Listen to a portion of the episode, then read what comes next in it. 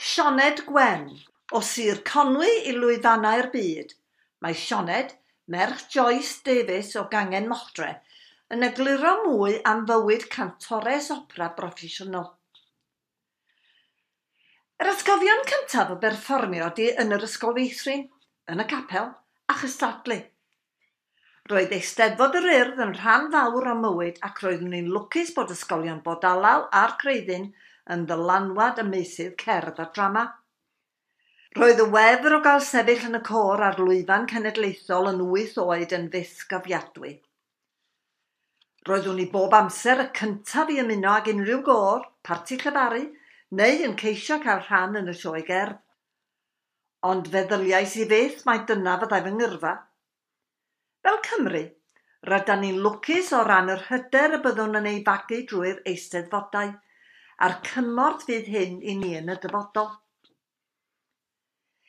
Fues i erioed ar lwyfan yr urdd fel unigolyn yn canu, ond fe ges i fwy o lwyddiant yn y genedlaethol, er naw nes i ennill y prif wobrau. Fe ddysgodd yr eisteddfodau lleol a chenedlaethol i mi yn fwy na dim sut i golli a dal ati. Rhaid i gantorion ifanc gofio bod y llais yn datblygu ar amseroedd gwahanol. Y peth gorau i'w wneud ydy peidio digaloni. Gwrando ar feirniadaeth a mynd yn ôl a gweithio eto ar y llais. Mae'n rhaid bod yn ddewr a bod yn barod i dderbyn beirniadaeth. Wrth sefyll ar lwyfan theatrau'r byd, mae pob unigolyn yn y gynulleidfa yn beirniadu a does dim modd plesio pawb. Roedd bod yn aelod o gorau'r ysgol yn bwysig ac yn bleser i mi. Fe wnes i ymaelodi a chor y pedair sir ac yna cael fy newis i fod yn rhan o gor cenedlaethol ieuenctid Cymru. Ar ôl gwneud wythnos breswyl gyda'r cor yn dwy ar bymtheg, penderfynais mae gyrfa yn y celfyddydau yr oedd hi am fod. Roedd yr wythnos yn llawn hwyl, gwaith caled a chymdeithasu ag eraill oedd yn rhannu'r un diddordeb am mi. Os bu aswn yn cael fy nhalu am wneud hyn, wel, amdani.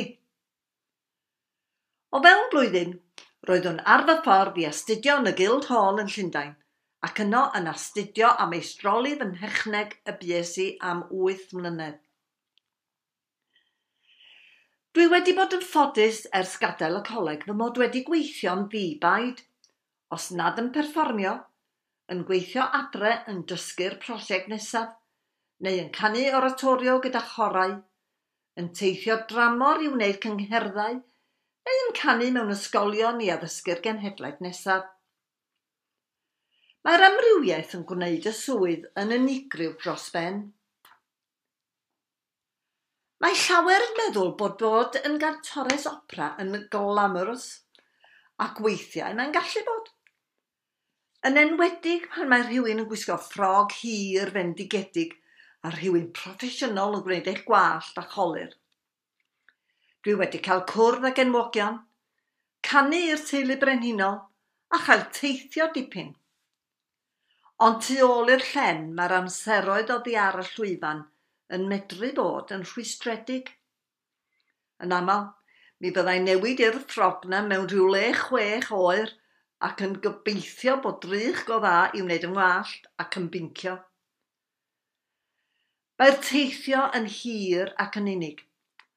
Mae gorfod methu achlysuron pwysig teulu fel priodasau, bedydd a phen blwyddi arbennig yn dorcalonis. Ac mae'r nifer o na ar ôl llwyth o glyweliadau yn boenus.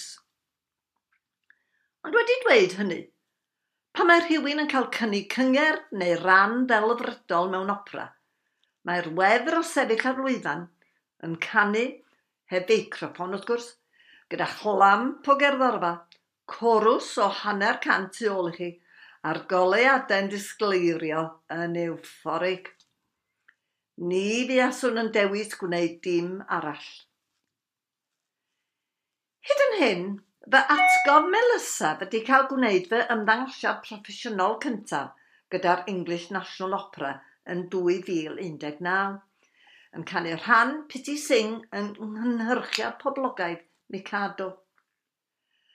Roeddwn ni'n rhannu'r llwyfan gyda rhai o fawrion y byd canu – ac yn braf cael sefyll nesaf at y tenor Elgan Llyr Thomas, sydd hefyd yn wreiddiol o Sir Conwy, a chael rhannu ambell joc yn y Gymraeg wrth ymarfer.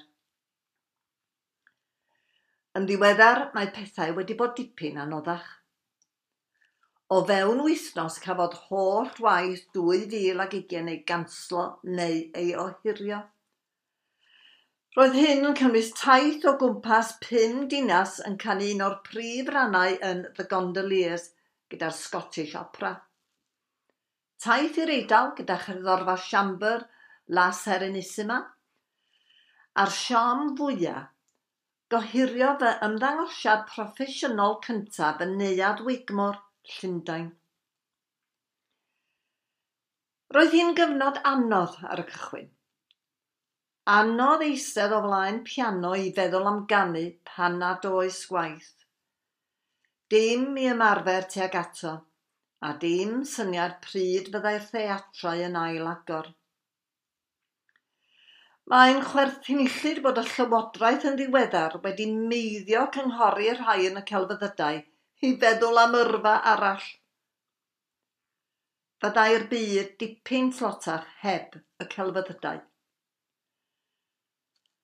llawer hefyd yn fy holi os oes gen i backup plan. Anodd ydy egluro mae fy swydd llawn amser ydy canu a bod dysgu'r grefft yn cymryd blynyddoedd. Ddiasau neb yn gofyn i doctor os oes gan nhw swydd arall. Dwi bellach wedi ymgartrefu yn Glasgow es pedair blynedd – ar ôl syrthio mewn cariad gyda'r ddinas ac yna gyda gael banwr.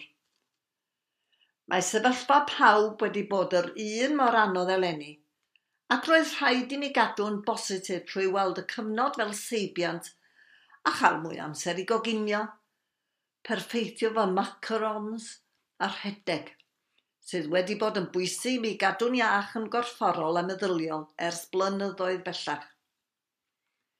Yn fwy na dim, mae'r cyfnod clo wedi cadarnhau i mi pa mor bwysig ydy canu a cherddoriaeth yn fy mywyd. Dwi mor lwcus i wneud yr hyn dwi fwynhau fel swydd. O ran y dyfodol, yn ei dro mi ddaw pethau yn ôl i ychydig o drefn gobeithio, ac mi fyddai wrth fy modd yn cael bod yn ôl yn lle dwi'n hoffi bod ar y llwyfan canu.